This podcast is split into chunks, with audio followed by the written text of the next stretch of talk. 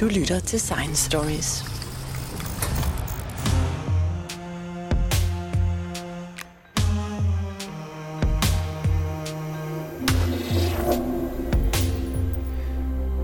Vand har fra starten af Science Stories været et af de mest populære emner. Det er efterhånden to år siden, vi sidst talte om drikkevandet, og siden er der sket rigtig meget. Jeg er taget ud på Danmarks Tekniske Universitet for at tale med professor Hans Jørgen Albrechtsen. Og Hans Jørgen, siden sidst har vi lært et par nye ord. Vi talte for et par år siden om TFA, nu taler alle om PFAS. Hvad er forskellen, og hvor kom det fra? Jamen, PFAS er samlebetegnelsen for øh, poly- eller perfluorerede øh, alkanerstoffer. Og det er nogle stoffer, som øh, har en, en kulstofkæde, hvor de fleste af, af, af bindingerne så er byttet ud med fluorstoffer. Øh, og så er der i den anden ende af den her kæde, der er så en, en syre. Det kan være en, en karbonsyre, det kan være en, en sulfonsyre. Og øh, det er en meget, meget stor gruppe af stoffer. Og et af de stoffer, det er så øh, TFA, altså trifluoredikesyre, og det er nok i virkeligheden det allermindste af, af, af, af PFAS'erne, øh, som, øh, som det stof her det er. Men det her fluor, hvorfor er det så farligt? Altså, hvorfor er det problematisk at have i vores øh, miljø? Jamen, det er jo fordi, at det er stoffer, som er, øh, eller man, i hvert fald den der binding mellem kulstof og fluor, er meget stabil. Og det vil sige, at det er stoffer, som er meget svære at nedbryde, de er meget holdbare. Og på den ene side set, så er det jo super godt til de, mange af de ting, man anvender dem til, fordi de netop kan vare og holde til mange, øh, holde i lang tid, og de kan udsættes for temperaturer og alt muligt andet, og de stadigvæk fortsætter med at fungere. På den anden side set, når de så kommer ud i miljøet, så er de altså også meget, meget, meget vanskelige at få nedbrudt og få fjernet igen. Så det er noget, man bruger i pesticider, og det vil sige, at det virker rigtig længe? Det er noget, man bruger også i pesticider, men vi bruger det til ufattelig mange ting. Altså, jeg, må, jeg ved ikke præcis, hvad det er for et, et tal, man skal sige, men altså, det er måske 5.000 for stoffer. Der er også nogen, der nævner 12.000, så lidt afhængig af, hvordan man, man definerer de her ting. Det er en ekstremt stor gruppe af, af stoffer. Ja, det er rigtigt, at nogle af dem fungerer som pesticider. Nogle af dem øh, bliver tilsat som øh, additiver eller som hjælpestoffer til pesticider, men langt de fleste stoffer bliver brugt i industrien og til at producere ting og sager, som du og jeg øh, bruger og omgiver os med. Altså det kan være øh, Gore-Tex i tekstiler, det kan være imprægnering af sko, det kan være øh, teflon, som ligger på som belægning på stegepanden. Der er utrolig mange øh, steder, hvor vi har stor glæde af de her stoffer. Det har vi bare ikke, når de er ude i naturen. Men for to år siden snakkede vi slet ikke om PFAS. Vi snakkede måske om TFA. Men hvorfor er det blevet et problem lige pludselig? Hvis vi snakker om drikkevand, så er det sådan, at, øh, at øh, øh grænseværdien for PFAS, øh, den har heddet øh, 0,1 mikrogram øh, i, i rigtig mange år. Og det er jo sådan set ikke sådan, at man ikke har analyseret for de her stoffer, øh, men man har bare gjort det med den følsomhed, som var nødvendig i forhold til den grænseværdi. Og man har også set dem nogle steder, men ikke noget, der var i nærheden af den her grænseværdi, og derfor har man ikke betragtet dem som noget problem i forbindelse med drikkevand. Så skete der så det, at øh, EU, øh, deres øh, øh, organisation omkring øh, fødevare, øh, EFSA, øh, de har øh, de har lavet en vurdering toksikologisk af i hvert fald nogle af de her PFAS'er, og de konkluderede så, at der var øh, fire øh, PFAS'er, øh, som de sagde, jamen, at, at de bør i virkeligheden, skal man være meget opmærksom på, og summen af de fire stoffer. Og det fører så til, at man i øh, 21, tror jeg det var, sommeren 21, at man i Danmark satte en grænseværdi på 0,002 mikrogram, altså 2 nanogram for summen af de her to. Det hvis man sænkede simpelthen den her grænseværdi med en faktor på 50. Og øh, så var man jo selvfølgelig nødt til at sænke følsomheden af analyserne og tilsvarende, og så finder man så øh, en række steder, hvor man ikke finder de her stoffer, men også finder dem i koncentrationer, som overstiger det her nye grænseværdi. Så det er simpelthen fordi, man har lavet en, ny vurdering af, hvor farlige de her stoffer er, og så sænket grænseværdien, at de er kommet på dagsordenen i forbindelse med drikkevand. Men er det ikke meget relevant, når man finder ud af, at stofferne egentlig er farlige? Altså at man så ændrer på grænseværdierne, og man ændrer på følsomheden? Jo, men det er bestemt øh, meget relevant, og man kan jo sige, at det er i forhold til, til pesticider, metabolitter, hvor man jo har ud fra et forsigtighedsprincip der har man lagt sig fast på en øh, grænseværdi på, på 0,1 mikrogram, uanset om, om de stoffer så i virkeligheden sikkert kunne forekomme i, lad os sige, øh, 10 eller 100 gange højere koncentrationer. Men der holder man fast i den grænseværdi. For de her stoffer, hvor man så har lavet den konkrete vurdering, og så sænket den, det betyder altså så, at den her meget lave grænseværdi på de 2 nanogram er øh, hvad skal man sige, for real. Altså det, det vil sige, at der er nogle toksikologer, der, der, der mener, at den er nødt til at være dernede. Og det indikerer jo også, at de her stoffer øh, bliver vurderet til at være langt mere alvorlige end, øh, end mange af de pesticidstoffer, som vi ellers har været bekymret for. Men hvor farligt er det egentlig? Altså er det, er det sådan, at man har nogle øh, virkninger, man kan se i befolkningen? Er der nogle ting, som man mistænker er forårsaget af de her øh, PFAS-stoffer? Altså, jeg må jo skynde mig at sige, at jeg er ikke toksikolog, men jeg kan læse mig til og høre mig til, at, at der navnlig er tre ting, som man i Danmark øh, har fokus på, og som man mener og har kunne se også i den danske befolkning. Og den ene ting, det er fødselvægt. Altså, det er, ser ud til, at øh, og man kan altså koble til koncentrationen af PFAS hos øh, mødernes øh, blod, at fødselvægten er gået ned, jeg tror det var 50 gram, der blev nævnt, sådan i gennemsnit. Den anden ting, det er, at, øh, og det så man blandt andet her under corona, at øh, børns øh, respons på vaccinationer øh, er måske også mindre, hvis de har været udsat for, for PFAS. Og det er jo sådan set også øh, meget uhensigtsmæssigt. Og så er der et eller andet med, at hvis man har høje koncentrationer af PFAS i blodet, at det så også måske kan gøre, at man får for højt kolesterolindhold. Og præcis hvad det betyder, det, det, det er der sådan lidt usikkerhed om. Men, men, men det er nok de tre ting, som, som i hvert fald øh, nogle af de her toksikologer de fremhæver som de vigtigste ting. Så er der alle mulige andre ting, hvor der er, er mistanker, men som måske ikke er så velunderbygget. Men, men de her tre, de skulle være ganske øh, velunderbygget. Så der er virkelig noget at komme efter, men hvordan, hvordan får man de her stoffer ud af vores øh, drikkevand? Ja, Altså det er noget af det, som der, der også bliver arbejdet med i øjeblikket, fordi at øh, der har jo, altså i øjeblikket er der jo et par øh, vandforsyninger, som har så høje koncentrationer, så, så, så de er nødt til at, at rense deres, øh, øh deres øh, drikkevand. Det, det gælder for eksempel Faneø, Fanø, øh, og det gælder for den sags skyld også Skagen. De får så godt nok deres vand nogle andre steder. Det gælder også nogle af de, de store vandforsyninger øh, omkring de store byer. Og der er forskellige måder, man kan, kan, kan, kan håndtere det på, og øh, det ser ud til, at øh, den relativt simple måde, som hedder at lave filtrering med hjælp af aktiv kul, hvor øh, man filtrerer vandet igennem nogle kolonner med det her øh, aktive kul, som vi har brugt i mange år, øh, og så bliver øh, PFAS bundet på overfladen af det, og så øh, dermed bliver trukket ud af vandet. En anden øh, metode, som øh, måske navnlig i forhold til de, de man, man taler om langkædet og kortkædet PFAS, og de kortkædede er dem, som er lidt vanskeligere at, at fjerne end de langkædede. De langkædede, der ser det ud til at aktiv kul nok er løsningen. Vi ved det ikke helt, men, men det er der meget, der indikerer på. Men de kortkædede, de kan så måske lidt nemmere fjernes ved hjælp af det, der hedder resiner, øh, som er en, en ionbytter. Det vil simpelthen sige, at, at der udnytter man den anden ende af molekylet, øh, nemlig syredelen øh, af det, og, og som er en, altså en ionbytning, og det vil sige, at, at øh, de går ind og sætter på det her resin, som er et plastikmateriale, mod at resinen så øh, spytter en, en øh, klorid eller en, en natriumion ud øh, og, og bytter ud på den måde der. Det er en lidt anden proces, men, men igen, begge øh, tilgange, både øh, aktiv kulfiltrering og resinerne, handler sådan set om, at man, man, man fjerner PFAS fra vandfasen og over på en fast fase. Og så er vandet øh, blevet renset, og så er der så et problem med, hvad gør vi så med det kul, hvad gør vi så med de her resiner. Der er en metode mere til at fjerne øh, PFAS fra drikkevand, og det er så det, der hedder membranbehandling, hvor man, det er også det, man bruger til at lave afsaltning, hvor princippet er, at du har en, en plastikmembran med nogle så små huller, så det kun er vandmolekylerne, der kan komme igennem. Så laver man så et stort tryk og presser dem igennem. Men de kan tilbageholde øh, PFAS, også de små. Øh, problemet, eller udfordringen ved det, det er så, at cirka 10% af det vand, man tilfører der, øh, bliver spildevand, fordi at øh, det, de stoffer, som ikke kan komme igennem membranen, de skal transporteres væk med noget. Men det betyder så også, at du får en, en faktor 10 opkoncentrering af både, øh, hvis du nu er herover i Østdanmark, hvor vandet er meget hårdt, så får du også noget vand, som er 10 gange hårdere end det, som øh, vi har øh, ude af vandhanerne. Og det er i sig selv et problem at håndtere det. Men du får jo sådan set også, at din PFAS-koncentration nu bliver 10 gange højere.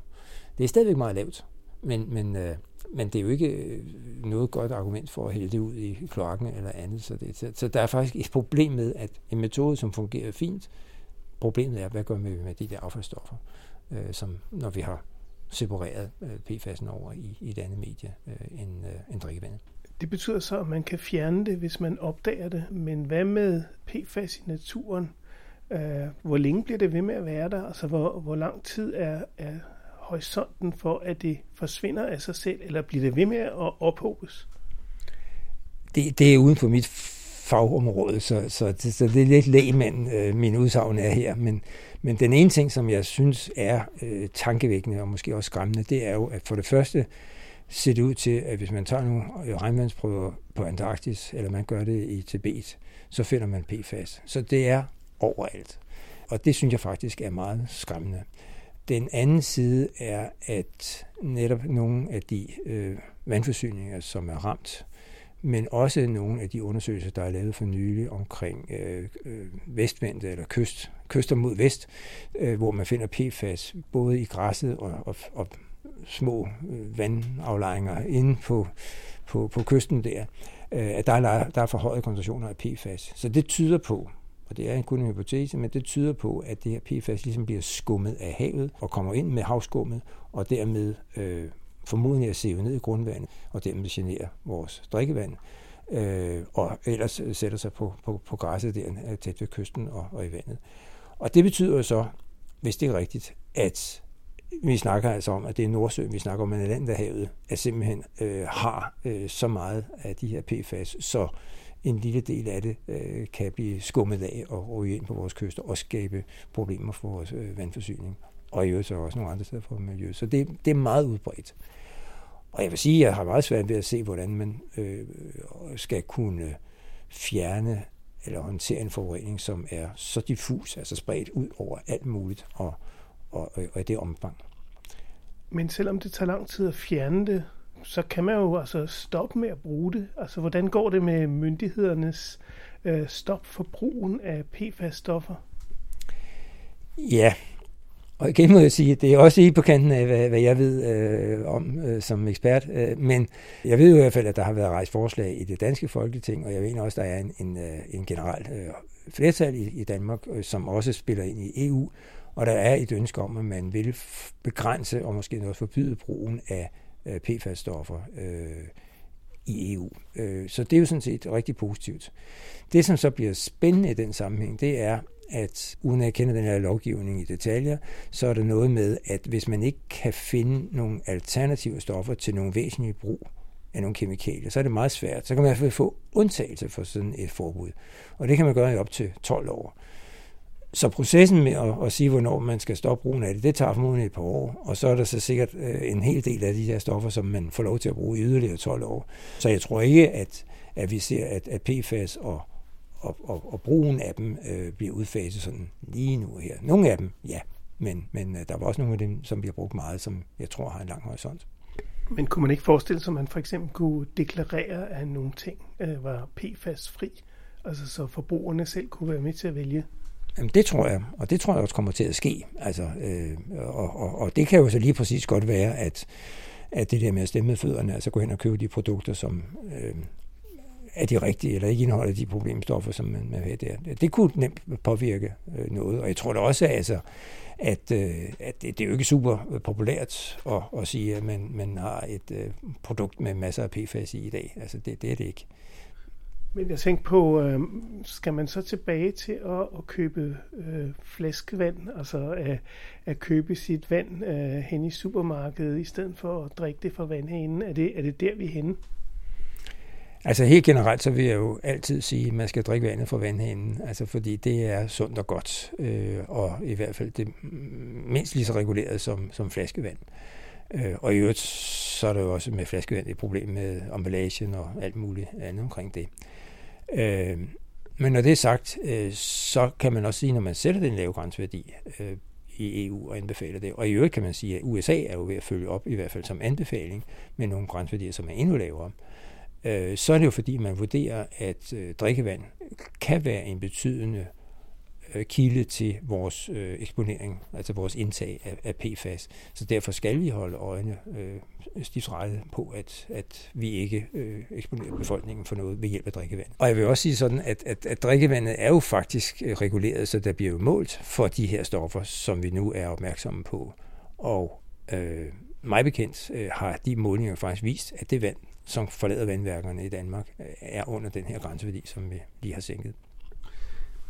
En helt anden ting, som vi slet ikke snakkede om for to år siden, men som også er begyndt at spøge i medierne og også i, i pressemeddelelser fra for eksempel Statens Serum Institut, det er udbredelsen af Legionella-bakterier. Hvad sker der med dem? Legionella-bakterien er en interessant bakterie, som vi slet ikke kendte til før. Jeg tror, det var 72 eller sådan noget, den dukkede op, og man, man fandt den første gang. Det er en bakterie, som giver øh, en øh, legionærsyge, hedder det, altså en, en lungebetændelseslignende sygdom. Og øh, der er faktisk også en anden sygdom, som vi har kaldt Pontiac fever, som er sådan en par dages influenza-lignende øh, infektion, men, men den bliver man ikke så syg af. Men legionærsygen, den der lungebetændelse kan være meget alvorlig og kan også føre til dødsfald. Øh, så, så det er en, en bakterie, som virkelig øh, giver nogle effekter, som mange andre af vores bakterier i miljøet ikke gør. Den er også interessant på den måde, at den godt kan lide at vokse ved nogle lidt højere temperaturer.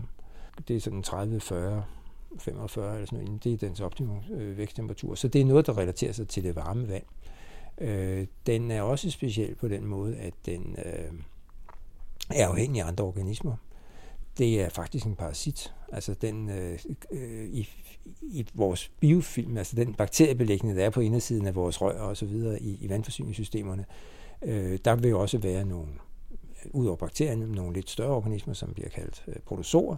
Og der kan de her legionella altså godt inficere dem, altså simpelthen komme ind i cellen og øh, den, altså immunsystemet, som måtte være, eller hvad det nu hedder, bekæmpelsessystemet, der er hos de her protozoer, er ikke i stand til at hindre, at den vokser inde i organismen. Så der, der, der deler øh, legionella-bakterien sig, og, og øh, til sidst er der så mange legionella-bakterier i den her øh, organisme, så de sprænger øh, protozoen, og så kommer de ud i miljøet og kan inficere nogle andre. Så det er, og det er nøjagtigt den samme mekanisme, de udnytter, når de angriber vores celler i lungerne. Så, så det er sådan set en parasit, og dermed virker den på en helt anden måde end langt de fleste andre bakterier, vi bliver eksponeret for eller bliver syge af. Men det lyder virkelig skræmmende. Altså, jeg, jeg er da lidt bange for at tage brusebad, når jeg, når jeg tænker på alt det forstøvede vand fuldt med potentielle legionella-bakterier, som falder ned over mig. Og, og, og det, der også skræmmer mig lidt, det er jo, at det, det er noget, man har læst om for mange år siden, øh, og lige pludselig øh, ser det ud til, at det er der over det hele. Er det, er det fordi, det har spredt sig, eller ved man noget som helst om det? Altså, du har ret i, at eksponeringsvejen, det er netop de der små dråber, der kommer fra vandsystemet, altså aerosolerne, at så kommer de, der, der er sikkert også mange andre bakterier, men der er legionella med i, og det er så den måde, den kommer ned i vores lunger, for den skal ned i lungerne, og det er der, den, den, den skal give den øh, største skade. Jeg tror egentlig ikke, den er blevet mere udbredt. Altså jeg ved, at helt tilbage i, altså for, for 20-25 år siden, blev der lavet øh, nogle undersøgelser af både nogle forskellige institutioner, ældrehjem øh, og, og, og skoler og sådan noget, og også en række øh, bygninger med, med lejligheder og lejlighedskomplekser. Og det var altså i 19 ud af 20 tilfælde, at man fandt legionella. Så, så det der spørgsmål, det er, om den er der. Det er den som regel. Og det, der så er det næste spørgsmål, det er, hvor høje er koncentrationerne? Selvfølgelig er der også et spørgsmål om, for der er mange forskellige slags legionellaer. Øh, der er, øh, og det er først og fremmest den, der hedder legionella pneumophila, øh, som er den, der giver øh, den her sygdom. Og nogle af de andre giver nogle tilsvarende, eller samme sygdom, men, men, øh, og der er også nogen, som overhovedet ikke øh, giver os sygdom. Og det er også sådan, at den der øh, at der er nogle forskellige undergrupper, serogrupper, og der er også nogle af dem, som er mere alvorlige end andre. Så, så fordi man bare måler legionella generelt, er det ikke sikkert, at det er sygdomsfremkaldende. Men jeg tror, det er udbredt, og jeg tror, det har været udbredt faktisk altid i de der varme systemer. Det vi jo ser i øjeblikket, og som også bliver rapporteret af Serum Instituttet, det er jo, at antallet af folk, der får den infektion, øh, og hvor man altså konstaterer, at de har den ved, ved, ved diagnose, det stiger, og er faktisk blevet fordoblet øh, i løbet af en, en, en 5-8 år. Øhm, og, øh, og antallet af folk, som faktisk dør af sygdommen, øh, er også øh, steget. Og det, det, det kan jeg godt forstå, at du er bekymret over, fordi det, det er vi jo ikke vant til at se, at, at vi ser nogle ting vokse på den måde der. Og jeg synes heller ikke, jeg har set nogle rigtig gode forklaringer på det. De anbefalinger, der kommer ud øh, om, hvordan man kan imødegå det, det handler meget om at være opmærksom på temperaturen, så det kolde vand er koldt, det varme vand er varmt. Og det kan jo godt være, at med energikrise og energibevidsthed osv., at man måske har fået sænket temperaturen i varmesystemerne øh, ned under den grænse, hvor altså så det kommer ned, så, så, så legionella faktisk kan vokse der, og ikke, ikke bliver øh, slået ihjel øh, af, af temperaturen. Og det kan være en årsag til det. Men altså, det er for mit vedkommende i hvert fald øh, gætteri. Men, men jeg ved, at det er det, man som trin nummer et, sørger for, at temperaturen kommer op, hvor, hvor den skal være. Men det betyder så, at øh, udover at vi skal passe på uh, temperaturen i vandet for vores eget hus, så skal vi altså lige tænke på, hvis vi arbejder i store institutioner, at, uh, at deres uh, tjek på uh, legionella-bakterier i deres, i deres rørsystemer er fuldstændig up-to-date, og hvis man tager på hotel, eller hvis man gør alt muligt, hvor man lige tager et hurtigt bad, så skal man altså virkelig være opmærksom på, at uh, det kan da godt være et problem. Jamen, det er fuldstændig rigtigt. Altså, og jeg vil også sige sådan, at, at, at de første øh, tilfælde, man så af legionella i Danmark, det var jo typisk folk, som havde været på hotel i øh, øh, Sydeuropa, øh, og, og hvor netop de der varme systemer ikke var varmere end som så. Øh, jeg tror faktisk, at langt de fleste hoteller er så opmærksomme på det her nu, så, så, så de gør, hvad de kan for, at, øh, at, at det ikke opstår. Men der har været en lang række udbrud, som har været relateret sig til, til hoteller. Og, og en række af de der underarter af legionella, de har også navne, som øh, giver indikationer af nogle, nogle interessante badesteder og sådan noget lignende, fordi det var det udbrud, det, det forekom, når det, det startede. Det var der, man konstaterede den pågældende legionella første gang. Øhm, så jeg tror, de har lidt styr på det, men, men du har jo ret i forhold til store institutioner. Der skal være opmærksomhed på, at man opfylder det her krav. Altså bygningsreglementet siger jo, at temperaturen ved fremløb til tappestedet. Altså, det er teknisk måde at sige på, det ved vandhanen, at der skal det varme vand faktisk være 50 grader. Ikke når der kommer ud af hanen, fordi man gør, det, så skolder man sig, men altså, og det blander man så med noget koldt vand. Men, men som udgangspunkt skal der kunne komme 50 grader varmt vand ud af, af vandhanen.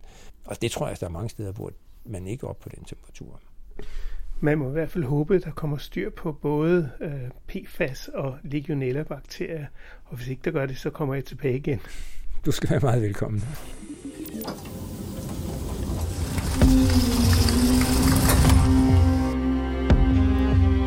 Hvis du holder af historier om videnskab, kan du finde Science Stories hjemmeside på www.sciencestories.dk.